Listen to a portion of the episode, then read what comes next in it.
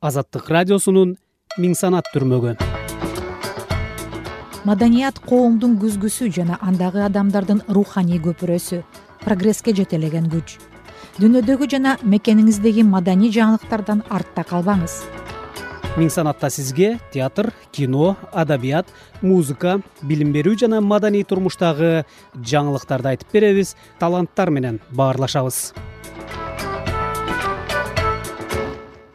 бүгүнкү чыгарылышта биз соңку он жылдан бери кыргызстанда жашаган мургаптык акын өскөнбай бердибаев менен маектешебиз. Аны мен санжи туйтунова алып барам.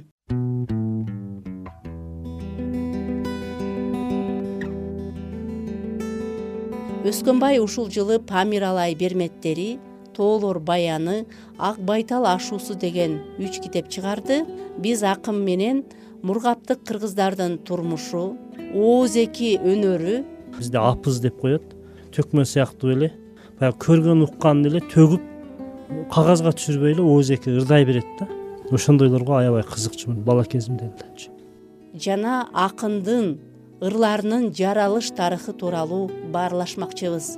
Билимдүү адамдар билгенди алар көргөндү мен көрбөгөнүм менен мен ошол тоодун сырыны тоодогу катаал климатты ошолорду көрүп адамдагы бир кандай бир улуулук бир нерселерди ушундай бир жеттим деп ойлоймун да өзүмдөчү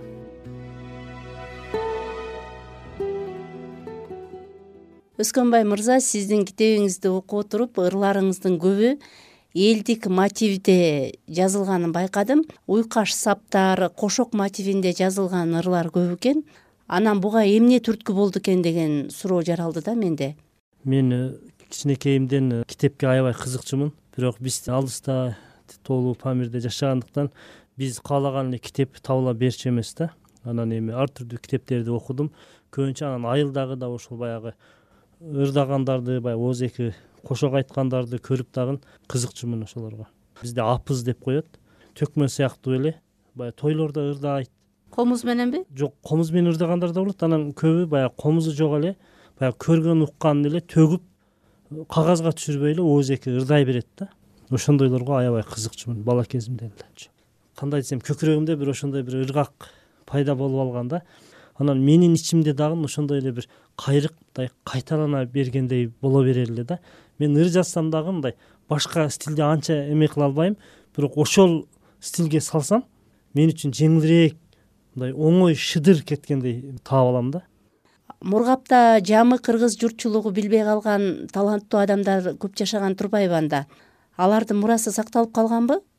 Ушул мургап жергесинде мына совет доорунда ошону жаздырып калган эмес экен. Мен ушуну азыркыга чейин баягы улуу муундагы биздин жердеш агаларыбызга мен айтып калам да. Сиздер ошол убакта иштептирсиздер анан азыр да сүйлөшкөндө айтып адамдардын ооз эки чыгармаларын жазып калбапсыздар эмне деген байлык болот эле?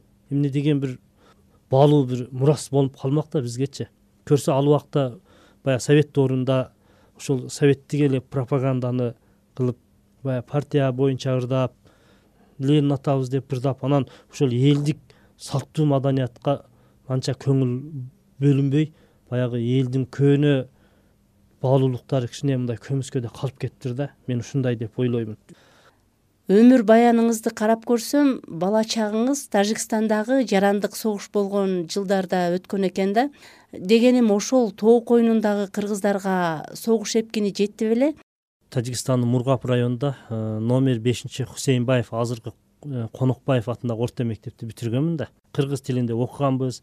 Бирок менин ошол окуучулук кездерим аябай баягы. Бир кыйынчылык бир оор турмуштар ушундай мезгилге туш келип калды. Биздин бала кезибизчи ал убакта баягы советтик доор кулап анан баягы эл эмне кылаарыны билбей жарымы кетебиз тиги чүйгө кыргызстанга деп жарымы болсо кантип кетебиз деп кантип жашайбыз деп баягы азык түлүк тартыш кийим кече жок ушундай бир мезгилде биз чоңойдук. Согушту көрбөдүк бирок согуштан адамдар биз мектепте окуп жүргөн мезгилде качып келчү. Ошо качкындар деп келип анан менин көзүмдө калган ошол бир гафуров деген бир врач келген. Анан укчубуз ушул үй бүлөсү жок болуптур өзү келиптир деп анан ошол биздин айылдык ооруканада врач болуп иштеп жүргөн. Э, баягы качкындар келген да ошолорду көрүп дагы ии согуш болуп атыптыр бир жерде деп ушу биз дагы ошо балалык э, сезимибизде туйчубуз да. Турмуш шартка байланыштуу мен жогорку окуу жайга окуй албай калдым. Баягы жакшы окуп анан кызыгуум аябай күч болчу. Анан мектепти бүткөндөн кийин мен тажикстандын душанбе шаарына окууга жөнөдүм. Окууга жөнөп ушу даярданып жүргөн мезгилимде менин апам жүрөктөн ооруп калды. Анан үйдө шарт жок мен үйдө эркек бала бир эле өзүм болгонмун эки эжем бар. Эжелерим турмушка чыгып кетти. Анан ошо турмуш шартка байланыштуу мен тилекке каршы бара албай окуй албай калдым. Мен окуй албай калдым ошого аябай бир азыркыга чейин өкүнөм. Мургаптан анан качан келдиңиз кыргызстанга жер которууга эмне себеп болду эле?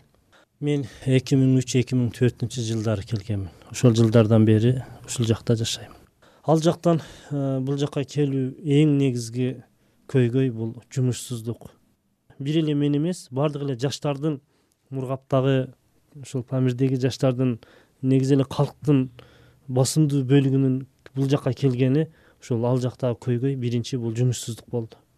Менде деле ошол андан кийин ушул үй бүлөдө кыздарымдын ден соолугу баягы бийик жерде ооруду ушул ден соолукка байланыштуу жумушсуздукка байланыштуу анан көчүп келгенбиз.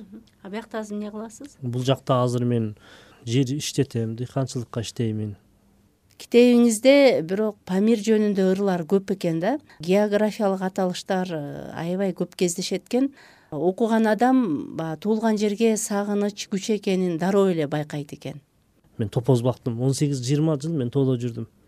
Анан мен кээде мындай баягы тыйындын эки бети бар деген сыяктуу мен окуй албадым деп өкүнгөнүм менен кээде мындай сыймыктанам дагы да мен мисалы окуган адамдар билимдүү адамдар билгенди алар көргөндү мен көрбөгөнүм менен мен ошол тоодун сырыны тоодогу катаал климатты ошолорду көрүп бир адамдагы бир кандай бир улуулук бир нерселерди ушундай бир жеттим деп ойлоймун да өзүмдөчү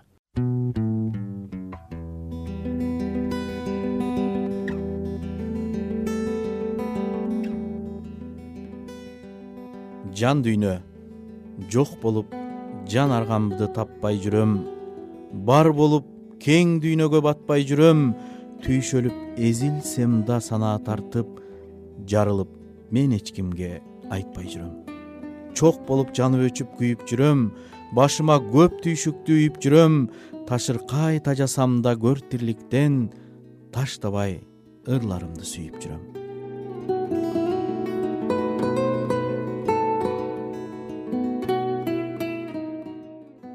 ушул тоодо жүрдүм э, памир тоолордун арасында э, жаштыгымды өткөрдүм. Ошол күндөргө дагы мен мындай каниет кылам да кудайга шүгүр дейм мен ушундай бийик тоолордун арасында жыйырма жыл жаштыгым калды.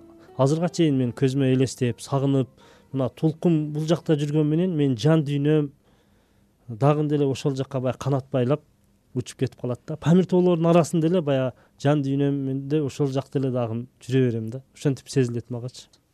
Биринчи келгенде аябай кыйналып ушул кайра кетип кала тургандай эле сезимде жүрдүм да. Бир канча жылчы.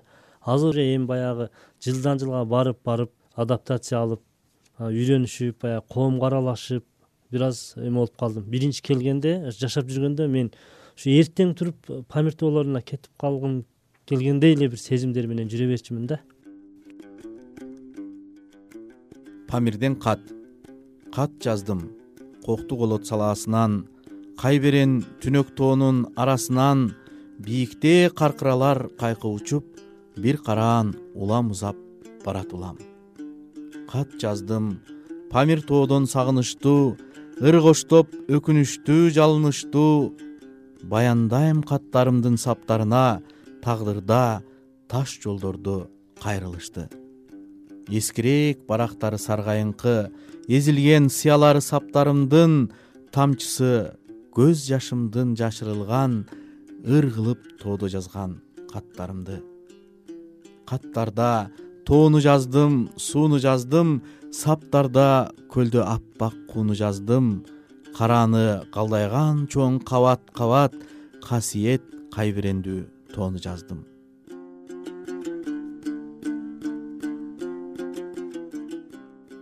памир тоо ой кыялдар алып учат памирде учкун жылдыз жаны учат жаңыртып жан дүйнөнү жандуу шамал ободо обон болуп жаңырышат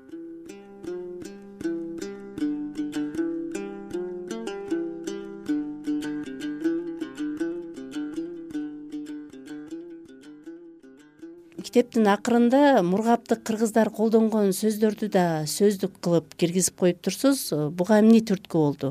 Сөздүктү ыр китепке киргизүүмдүн себеби менин ырларым арасында дагы окурмандарга мындай кээ бир жерлерде бир түшүнүксүз бир нерселер э, сөздөр дагы пайда болуп калышы мүмкүн да. Анан ошондуктан буну мындай түшүндүрмө катары киргиздим. Эми бизде деле мургапты кыргыздар негизи тил боюнча алганда аябай таза сүйлөйбүз. Кыргызчаны көп жерлерге карагандачы мисалы тилибизди жоготподук. Бирок сөзсүз эми башка элдер менен аралашып жашагандан кийин эми башка элдердин сөзү дагы кирип калган болушу мүмкүн. Мургапта калган кыргыздар менен азыр байланыш барбы? Тажикстан менен чек ара жабылгандан бери ал жака бара албай кыйналып жатканыңарды баягы социалдык тармактар аркылуу көп айтып каласыздар да бир эжем калган. Ал дагы былтыр каза болуп калды. Ошонун балдары бар анан ошо жездем бар. Туугандарым бар мындай алысыраак. Пандемия учуруна чейин мен барып тургам барып келип катышып эми ошо байланышып турабыз. Андан кийин пандемия болду анан чек ара жабылды ошол бойдон ал жака мен бара албай калдым. Ошол чек аранын жабылып калышы бул биздин мургаптык кыргыздар үчүн аябай бир чоң түйшүктү жаратты да. Өтө чоң себеби биздин туугандарыбыз бүт ал жакта алардын туугандары жакын туугандары уул кыздары бул жака келип окуп иштеп жашап калышкан кечеге чейин эле чек ара ачык маалда байланышып барып келип турганбыз. Айрыкча баягы той тамаша кыргызда анан жакшылык жамандык болгондо аябай кыйынчылык болот экен. Көп эле көрдүк ошондой бул жакта бир киши каза болуп калды. Ошол кишинин кыздары келе албады да топурак салганга. Уул кыздары даже келе албады. Ал жака биз бара албай калабыз. Ушундай жакшылык жаманда той тамашада катташа албай калдык. Алар бизге келе албайт. Биз аларга бара албайбыз. Ушул жагы дагы ушу чек аранын жабылуусу бул мургап кыргыздар үчүн аябай чоң бир жүрөк ооруткан бир маселеге айланды да. Сөз акырында эми ошол дүйнөнүн төрт бурчуна чачылып кеткен кыргыздарга арнап э, бир ыр окуп койбойсузбу биз кыргызбыз деген ырымды окуп берейин. Биз кыргызбыз жер бетине чачылган биз жылдызбыз жалын оттуу чагылган кыйын күндө кандай азап көрсөк да соолубастан кайра гүлдөп ачылган биз кыргызбыз кайбереңге түнөктөш биз улуубуз аруулукка тилектеш кайсы өлкө кай жерлерде жүрбөйлү кан жаныбыз ата журтка жүрөктөш биз кыргызбыз тилибизди сактаган ар намысты дилибизди сатпаган ала тоодон памир алтай эне сай ат үстүндө узак жолдор таптаган. Ата журттан алыс узап кетсек да биз кыргызбыз тилибизди сактаган. Урматтуу угарман сез азаттыктын миң санат подкастын уктуңуз. Аны мен санжи туйтунова алып бардым. Бүгүн биз мургаптык акын өскөнбай бердибаев менен маектештик кийинки жолу көрүшкөнчө сак саламатта туруңуз. Азаттык радиосунун миң санат түрмөгү маданият коомдун күзгүсү жана андагы адамдардын руханий көпүрөсү прогресске жетелеген күч. Дүйнөдөгү жана мекениңиздеги маданий жаңылыктардан артта калбаңыз миң санатта сизге театр кино адабият музыка билим берүү жана маданий турмуштагы жаңылыктарды айтып беребиз. Таланттар менен баарлашабыз